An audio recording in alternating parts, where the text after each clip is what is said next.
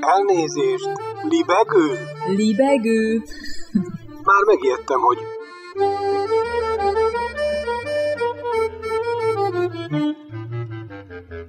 Üdvözlöm Önöket! Ez itt a Libegő újabb szellemröptető műsora. Balázs Attila vagyok, kívánok jó szórakozást!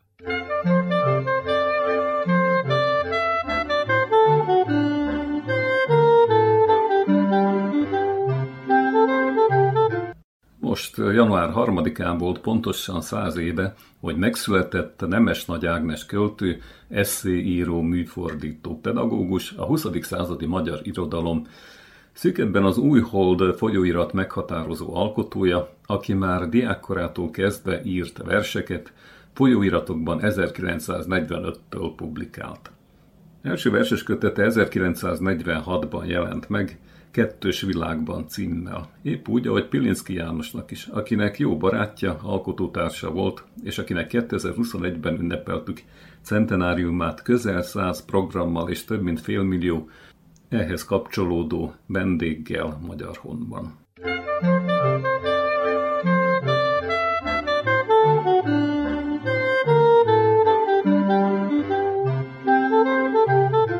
Nemes Nagy Ágnes fiatalon első kötetével elnyerte a Baumgarten díjat, első válogatott kötetért kapta a József Attila díjat, hogy érdekes, hogy József Attila nem kapott Baumgartent, Nemes Nagy mind a kettőt, jó, és életművének elismerésére Nemesének a Kossuth díjat, de munkásságának egyik legnagyobb érdeme mindenképp, hogy máig itt van velünk.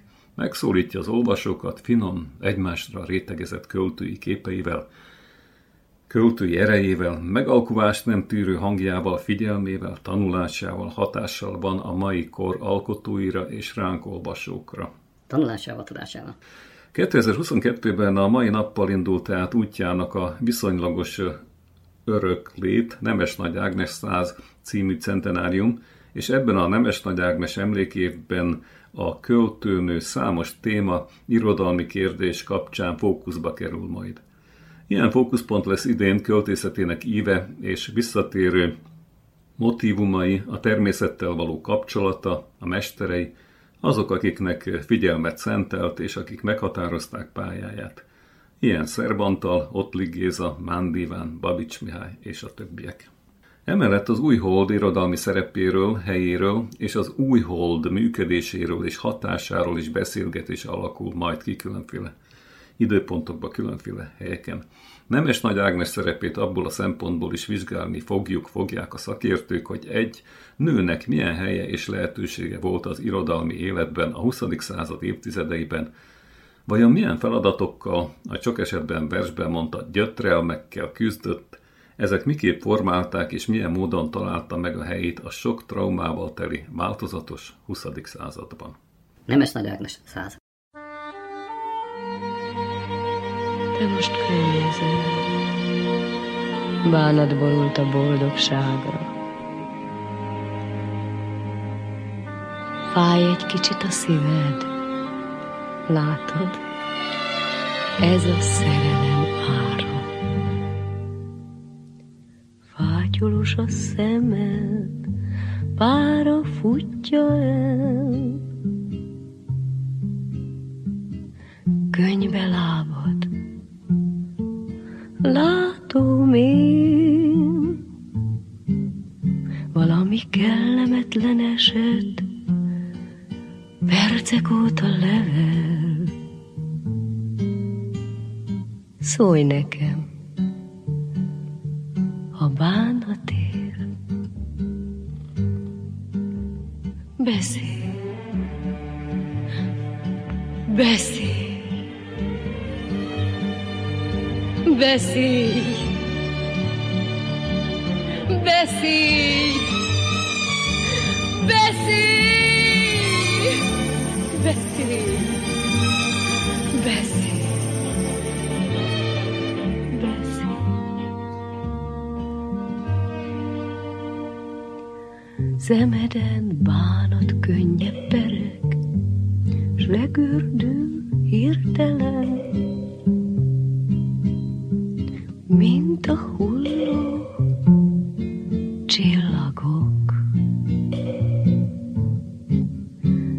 Ne félj, én itt maradok veled, megfogom a kezed.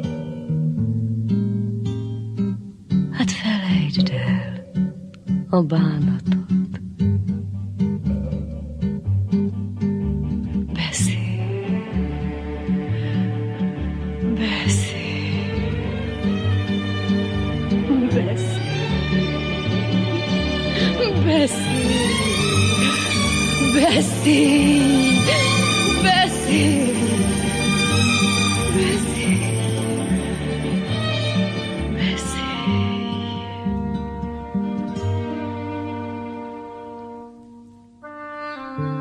Tudom én, hogy mit érzel. Kicsit bánt a szó. A csend a jó. A csóknál ne sírjál, mert minden könycsepp nekem fáj. Téli napforduló, délután fél három és sötétedik. Szeres Judit. Lehet menni aludni, de iszom egy kávét, és tovább botorkálok a sötétben. Még szerencsé, hogy esett a hó, és az utcai lámpák fényében ragyog. Arra gondolok, hogy ilyenkor éjszakon egész nap nem jön fel a nap. Egy hónapig folyamatos éjszaka van. Persze vannak lámpák, hó és hömpögő északi fény. Azért én mégsem szeretnék ott élni. Nem hiába Finnország és Svédország az első két ország a kávéfogyasztási világlistán. A sötét és hosszú téli estéken azért kell sok kávét inni, hogy kibírja az ember lefekvésig, nyáron meg azért, hogy le nem maradjunk a fehér éjszakákról. Ez egy ilyen ország. Délen majdnem olyan, mint Dániában, de Észak-Svédországban vagy fehér, vagy fekete. A számiknál éjszakon nem hiába a legfontosabb ünnep az a dátum, amikor végre ismét a horizont fölé emelkedik a nap. A számizászlóban a kör a napot szimbolizálja. A keresztény többség két nagy ünnepe itt, Svédországban a téli napforduló és a nyári napi egyenlőség idejére esik. Az egyik a karácsony, a másik pedig a Szent Iváné. A Szent Iván jellegzetesen skandináv jelenség, míg karácsony világszerte van. Azért a svéd karácsony egy kicsit speciális. Egész advent idején nagy a készülődés és dekorálás. Az itteni fűszeres forralt bor, a glögg nagyon népszerű. Ehhez gyömbéres fahéjas mézes kalácsot esznek. Itt az adventi karácsonyi gyümölcs a mandarin, szinte kötelező a dió, magyaró, mazsola és a mandula mellett. A svédek nem ismerik a beiglit, mákot vagy dióbelet nem is lehet kapni. Helyette összekötte, sáfrányos kert tészta van, amit csigába sodornak. Karácsony és vízkereszt között sokan szabadságon vannak, a gyerekeknek téli szünet van, itt is családi ünnep, de sok pogány elem maradt az ünneplésben. Például a Mikulásnak szürke ruhája van, piros sapkája. Ez a pogány manó keresztényre formált alakja. A skandináv néphitben mindenütt manók, tündék és trollok találhatóak. Például a karácsonyi tejberést meg kell osztani a házi manókkal, hogy ne legyenek mérgesek. Ha nem kapják meg azt, sok borsot tudnak az ember alá törni. Azt tartják például, hogy elapasztják a teheneket. Az angol száz karácsonyi tündék, elfek nincsenek meg itt, helyettük kis manók vigyorognak mindenhonnan. A sarokban állam is csücsül egy szürke kabátos, piros sapkás. A másik sarokban a klasszikus karácsonyfa áll cukor nélkül. Itt ugyanis az nincs. A karácsonyfa mellett sok a csodás virág, illatos virág, amaréllész, játszént, mikulás virág, karácsonyi kaktusz. A svédek nagyon szeretik a virágokat és az alkalomhoz illő cserepeket. Karácsonykor piros cserepekbe kerülnek ezek a növények. Igazi háziasszony varázs megtanulni, hogyan kell átteltetni az amarillészt. Hozzáteszem, nekem még eddig nem sikerült. Ami még nagyon más, az az ünnepi menü. Nem hiába svédasszalnak hívják a hidegbüfét, itt az nagyon népszerű, elterjedt karácsonykor is. Jülbord, vagyis karácsonyi asszal neve. Hideg és meleg ételek is vannak az asztalon. Nekem a legizgalmasabbak persze a halak. Füstölt, pácolt lazac, párolt hering, főtt lazac, tőkehaj, hal, pácolt hering. Ezek mellett a svéd húsgolyó, a hercegkolbásznak nevezett pici véslés, sajtok, főtt tojás található. A legtipikusabb zöldségek a főtt krumpli mellett a kelbimbó, a cékla, a fodroskel és a zöld borsó. Elmaradhatatlan a minden fogás között felszolgált akvavit, vagyis latinul aquavité, az életvízen nevű köményes, égetett szeszes ital. A tévében ilyenkor rengeteg a karácsonyi témájú film. Minden évben ugyanazok a rajzfilm részletek mennek. Karácsony első és másnapján pedig a Társasút, Száz része című film több részét adják hagyományosan. Nincs olyan svéd, aki ezeket ne nézné meg minden évben. Azért minden évben elgondolkodom azon, hogy aki nem keresztény vagy skandináv pogány, ők mit csinálnak karácsonykor, amikor még a csapból és ünnepi zene szól, és mindent eláraszt a gics. Talán nagy sötétségben alszanak, és Gérland ide, Gérland oda, átalúszák a téli napfordulót, mint a medve, hogy majd egy vidámabb tavaszra ébredjenek. Szeles Judit hallották itt a libegőben, ahol libbenünk tova. Ahol megrázva magunkat, libbenünk tova. Ahol megrázva magunkat, libbenünk tova. Good night, Kathy. See you tomorrow. Good night, darling. Take care of that throat. You're a big singing star now, remember? This California dew is just a little heavier than usual tonight. Really? From where I stand, the sun is shining all over the place.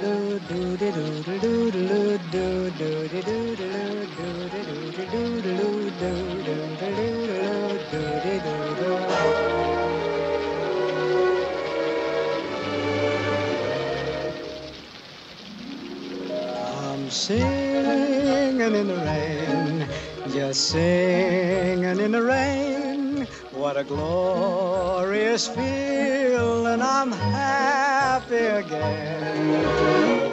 I'm laughing at clouds so dark up above.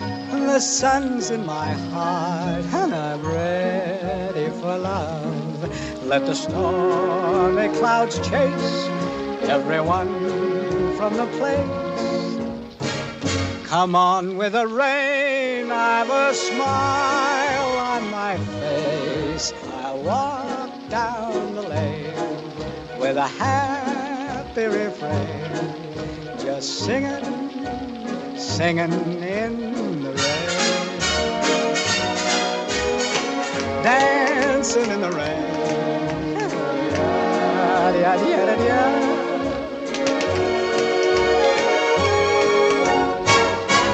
I'm happy again.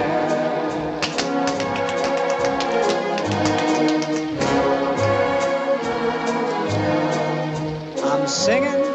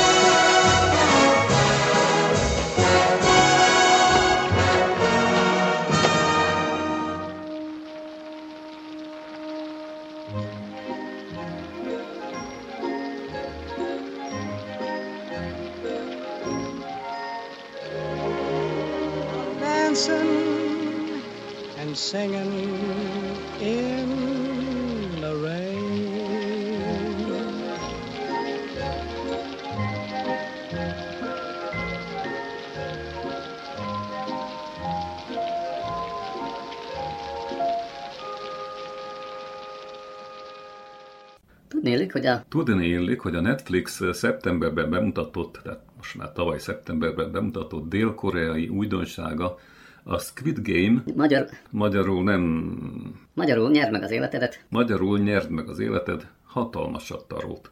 A produkcióban négy héten belül világszerte 142 millióan néztek bele, ezzel pedig a Bridgerton és a The Witcher-t is maga mögé utasítva lett a streaming szolgáltató legnépszerűbb szériája. A történet 456 eladósodott emberről szól, akik még azt is vállalják, hogy gyerekjátékok halálos verzióin átverekszik magukat, és az életüket kockáztatják a pénznyereményért.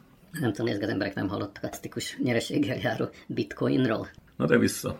Több iskola, Bitcoinról. több iskola arra kérte a szülőket, ne engedjék, hogy a sorozatot nézzék a tanulók. Közelmúltban többek között Watcher oktatási tanácsa is felhívta a figyelmet arra, hogy a gyermekek másolják a Squid Game veszélyes kihívásait. A legtöbben nem is nézik a Netflix sorozatát, hanem a TikTokon találkoznak az olyan játékokkal, mint a piros lámpa, zöld lámpa. Belgiumban is hasonló problémáról számoltak be, ahol a gyerekek megverték azokat, akik kiestek egy-egy játékba. a Squid Game ugyanakkor eredetileg még ennél is durvább, ugye mindennél, mert ott egyenesen kivégzik a veszteseket. A Daily Mail számolt be róla, hogy az egyik rohamosan terjedő és a Netflix sorozatához kapcsolódó kihívás komoly balesethez vezetett, például egy a sok közül. Egy 14 éves ausztrál fiú, Aiden Higgy égési sérüléseket szenvedett, miközben próbálta elkészíteni az úgynevezett dalgona süteményt. Az édességhez cukrot kell olvasztani, ennek magas forráspontja miatt azonban nagy az esély rá, hogy felügyelet nélkül baleset történik. Hát így az történt, hogy felrobbant a mikro, és súlyos sérüléseket okozott.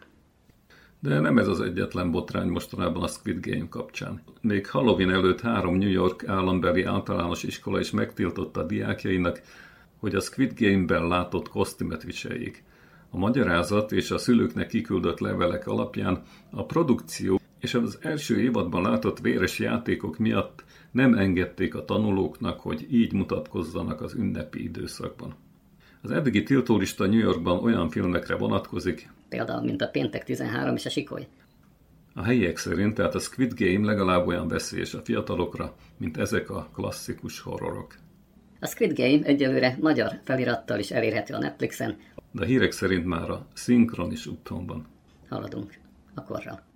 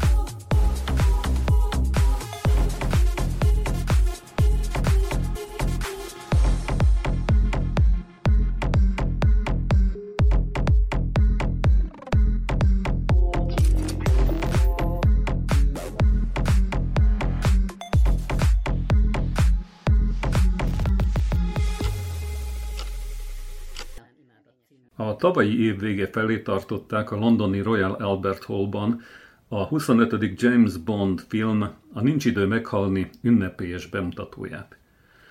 A vörös szőnyegén valóságos sztárparádé volt, és megjelent Károly Velszi herceg is, és a fia Vilmos, valamint a feleségeik is. Az 53 éves Daniel Craig ezzel a számára ötödik filmmel búcsúzott a Bond franchise-tól, amelyben ő volt a hatodik, aki magára öltötte a 007-es ügynök smokingját. A nincs idő meghalni szereplői között feltűnik egy új 007-es, aki fekete nő. De nem ez az egyetlen meglepetés a történetben. A film bemutatóját a járvány miatt másfél évvel elhalasztották, azért beszélünk róla most, abban bízva, hogy a korlátozások után segít visszacsábítani a nézőket a mozikba. Na, meglátjuk. Ugye ennek a várakozásnak meg is felelt. Tehát akkor már meg is vártuk. A jegyárbevétel december elejéig világszerte 756 millió dollár volt, ez a harmadik legmagasabb az idén. Hát úgy értjük, hogy 21-ben. És a legtöbb a nyugati filmek között a listavezető ugyanis két kínai szuperprodukció, képzeljük el kínai, egy háborús film és egy végjáték, jelezve a hatalmas ázsiai ország súlyát a nemzetközi piacon. A másik nagy reményekkel várt idei hollywoodi szuperprodukció a kanadai Denis Villeneuve rendezte Dűne volt, amely Frank Herbert azonos című könyvének első felét dolgozza fel. A részben Magyarországon forgatott alkotás 374 millió dollárt hozott, és a második rész elkészítése is megkapta a zöld utat. This is the end. Hold your breath and count to ten.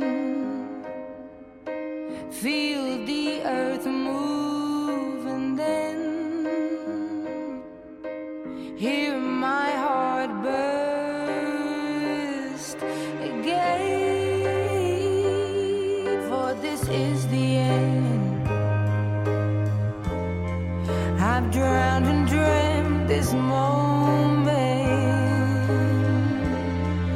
So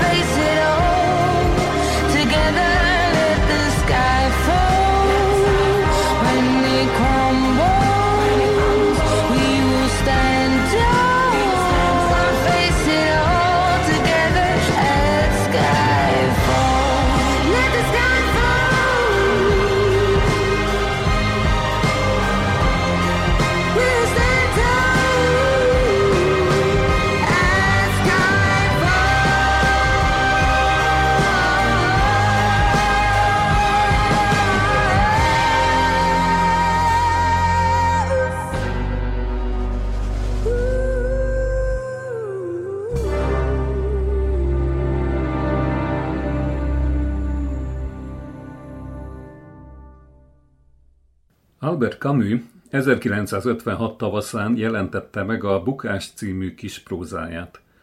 A könyv gyors sikert aratott, egyúttal megdöbbenést keltett a francia értelmiség körében. Maga az író is meglepődve tekintett új művére, mivel az nem igen hasonlított semmire sem, amit korábban írt. Felforgatott mindent, nekirontott mindenkinek, érintve érezhették magukat nem csak ellenségei, hanem barátai, szerette is.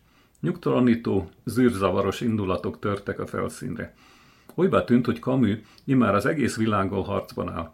Egyszer s mind sziporkázóan, szellemes, remek művet alkotott, amely máig hatóan új irányt szabott a modern európai irodalomnak. Egy évvel a megjelenés után a szerző Nobel-díjat is kapott. Sokak szerint ez a különös, nehezen értelmezhető kisregény, melyet új fordításban kap készhez az olvasó, Camus legjobban megírt könyve. Szávai Nándor 60 éves értelmező átültetése ma sem idejét múlt, de Dunajcsik Mátyás most megjelent munkája frissebb és szöveghűbb. Éppen emiatt nem mindig tudja elkerülni a szó szerinti fordítás csapdáit. A Camus édenkert. Film noáros hangulatban stricik és gangsterek látogatása a rossz hírű amsterdami lebújban indul a cselekmény. Jean-Baptiste Clemens, a Hollandiába települt, hajdan szebb napokat megért párizsi ügyvéd a söntésnél szóba elegyedik turistaként odavetődő honfitársával. Várnánk, hogy kibontakozzék a mese, hogy létrejöjjön a társalgók közt valamiféle párbeszéd, hiába el kell fogadnunk, hogy a mű mindvégig a szószátyár jogász monológia marad. Társának válaszaira csak itt-ott következtethetünk, az olvasó számára a másik fél mindvégig néma marad.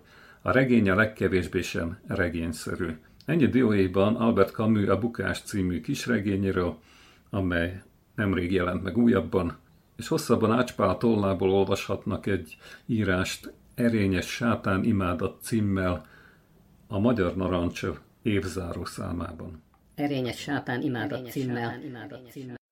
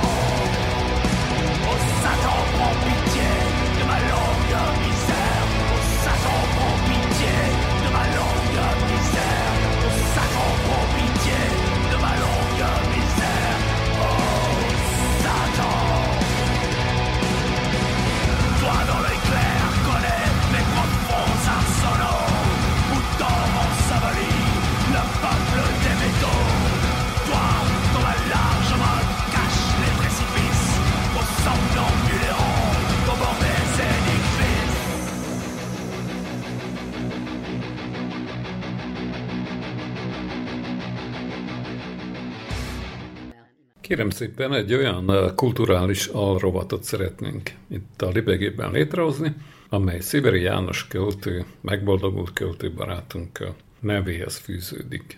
Ennek nem okvetlenül kell, hogy legyen legaktuálisabb jellege, lehet múltbél is, és nem okvetlenül a sziberi díjasokról szól, ellenben tényleg, hogy ezt a kis felejtődő díjat felidézzük, életben tartsuk. Hát megpróbáljuk valahogy olyan rendbe állítani, vagy sorrendbe állítani dolgokat, ahol a sziveri díjasok is érintettek, de mint mondom, nem kiszárul, és nem csak versről van szó. Kerülnek bele a resti kornyikák, és aztán majd megtudják pontosabban. Ahol következik. A száraz szikár adatok szerint Zudor János 1954. április 27-én született Nagyváradon. Középiskoláit szülővárosában végezte, majd a Kolozsvári Bábes Bolyai Tudomány Egyetemen szerzett magyar-francia szakos tanári oklevelet 1983-ban.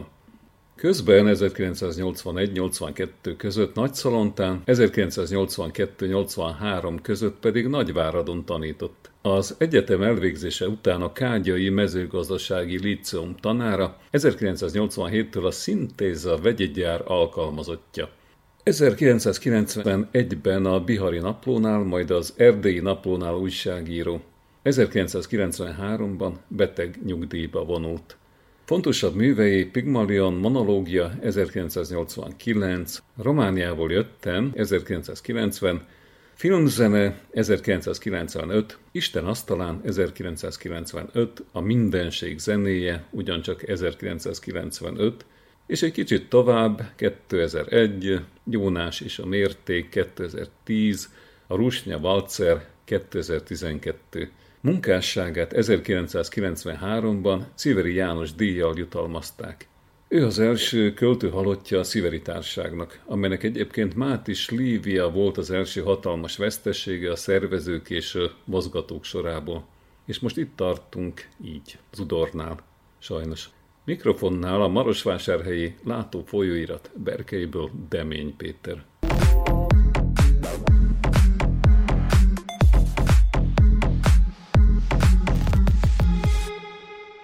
Az 1954-ben született Zudor János romániai magyar költő volt, erdélyi magyar költő volt. Tévedhetnénk el megint a definíció bozótosában, de hát a lényeg az, hogy költő volt.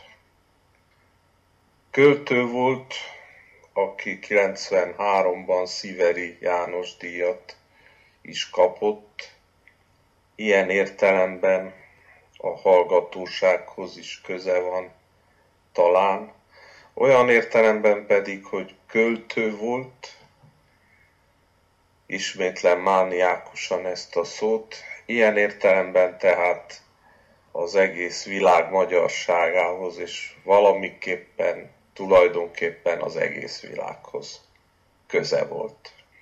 Köze volt azonban egy még általánosabb értelemben, ha van ilyen, hiszen gyakran túlságosan homályosnak, ködösnek érezzük ezt a szót, hogy ember, vagy azt a másikat, hogy emberiség. Ő egy sors üldözött ember volt, és ezt nem a romantika hangján mondom, hanem a leírás hangján, ha úgy tetszik, leíró jelleggel, Zudor János skizofrén volt, és utolsó napjait egy margittai öregek otthonában töltötte.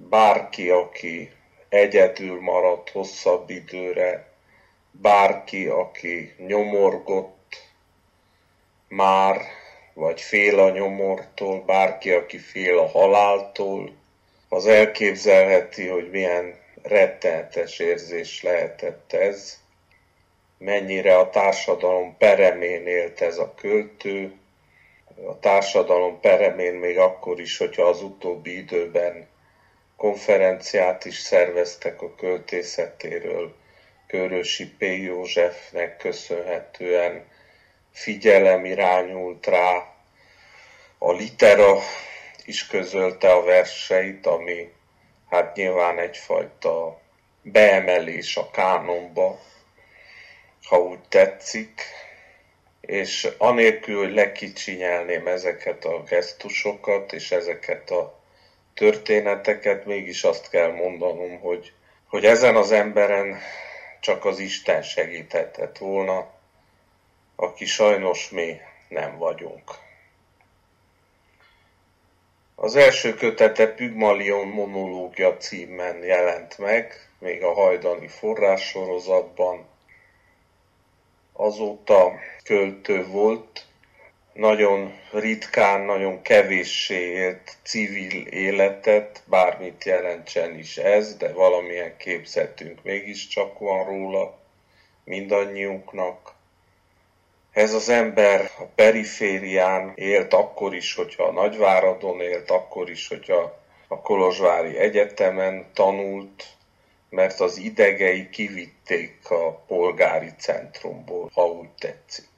És ez nem csak egyszerűen a tehetsége miatt adódott így, hanem a, a betegségei miatt is. És azt gondolom, hogy hogy ő a részvét költője volt abban az értelemben, hogyha verseit olvassuk, akkor, akkor megszületik bennünk a részvét érzése. Egy zárórában talán emlékeznek néhányan erre a műsorra, Weisser Alinda vezette. Egy zárórában tehát Részpál azt mondta, hogy a mai irodalomból a részvétet hiányolja elsősorban, a kortárs irodalomból.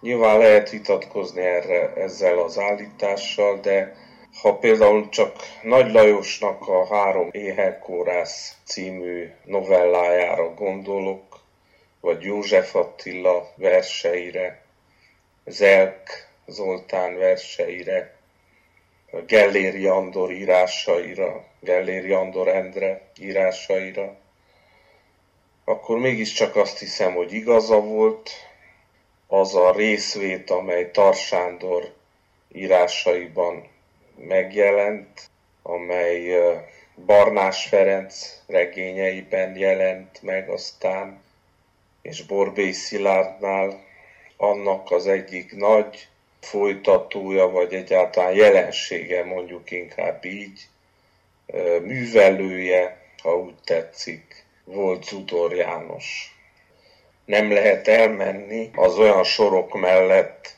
mint hogy szemétdombon születtem, egy váradi szemétdombon. Ezt írja a Járulék című versében.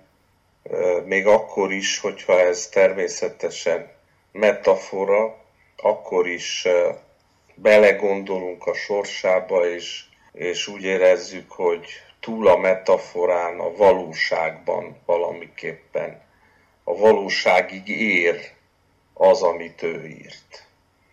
Vagy van egy olyan verse, hogy Antonioni bohóca, szabályos paprikaorrú pöffetek bohócokog egyedül, a nézőtér üres. Annyira én vagyok ez a bohóc, hogy páromat ritkítom. Én vagyok. Tényleg én. Ahogy egyedül zokogok a kör alakú porondon ahogy harmonikázna, de nincs csak könnye a magányos nézőtéren. Egy mellékszereplő vagyok, aki zokog.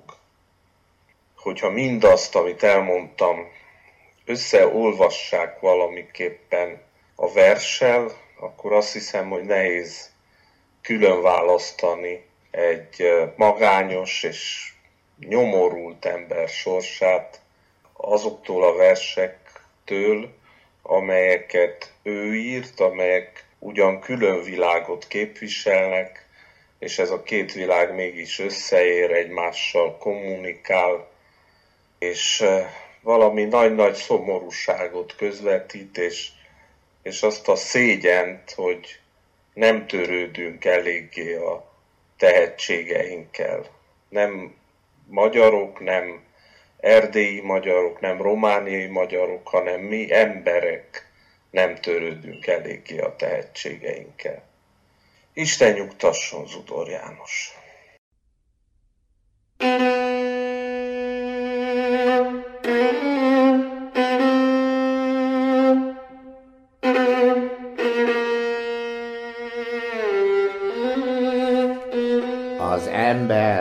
ember és a madár Omázs a Brâncos.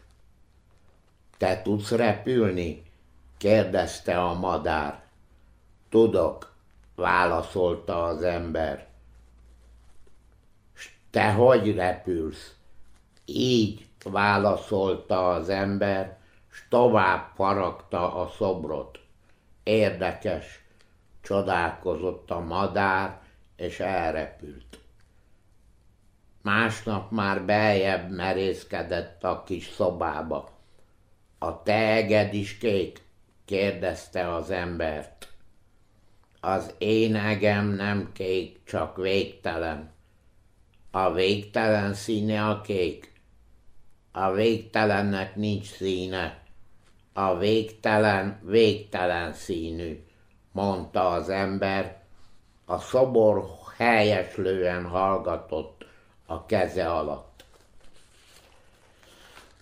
A madár egyenesen az asztalra repült. Ez a szobor rám hasonlít, döbbent rá. Az ember megfogta, és gyöngéden beletette a szoborba. Ez a szobor én vagyok, döbbent rá a madár. Te tudsz repülni? kérdezte az ember. Tudok, válaszolta a madár. Így kérdezte az ember. Így mondta a madár, és tovább állt a talapzaton. Érdekes, mondta az ember, és elrepült.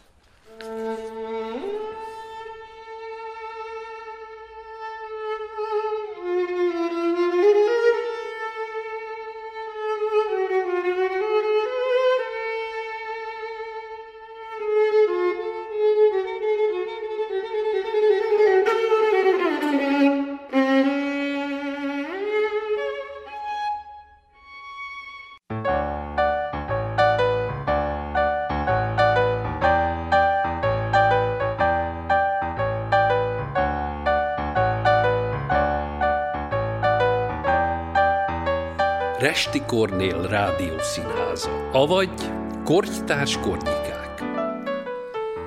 Resti Kornél a múlt ködéből és a jövő előszeléből felbukkanó jelenség. Az irodalom és egyéb emberi lomok szertelen leltárosa, bohém krónikása. Leginkább a század elő, illetve a nyugat nemzedékeinek közkedvelt budapesti vendéglátóipari egységeiben és vidéki söntéseiben érezte jól magát, ahol meg annyi magát költőnek valló naplopórokon lélekkel könyökölhetett össze, majd kocinthatott a töredékesnek tetsző idő egészségére. Köztük Kosztolányival, Karintival, Adibandival, Krúdival, Tamkó Sirató Károlyjal, Berda Jóskával, Tersánszki Józsi Jenővel, József Attillával, Vörös Sándorral és a többiekkel. Amíg az imént említett kortytársak, valamint a sorból kimaradt szellemi szesztestvérek zenés verseit énekli, reményei szerint mindig történhetik valami.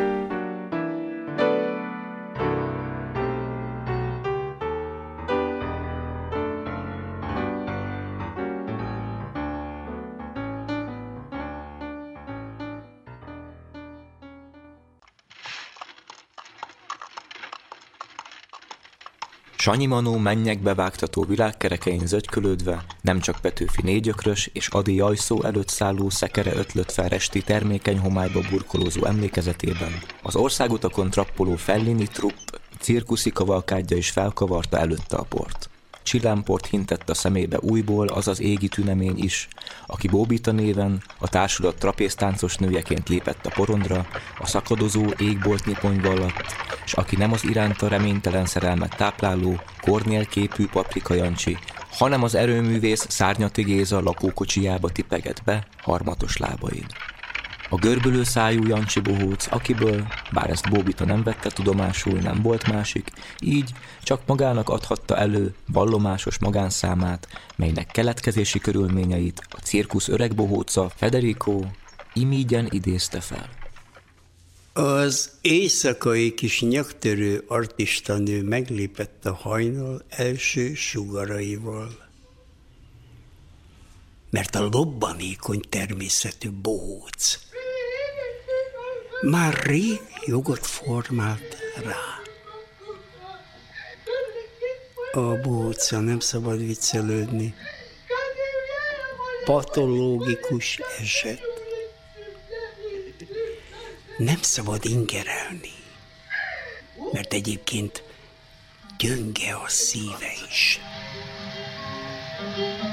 Amíg a Bohóc kimerülten aludt, a kis artistanő átlépett, aztán visszalépett. Az egyik utánfutóból a másikba. Látta valaki?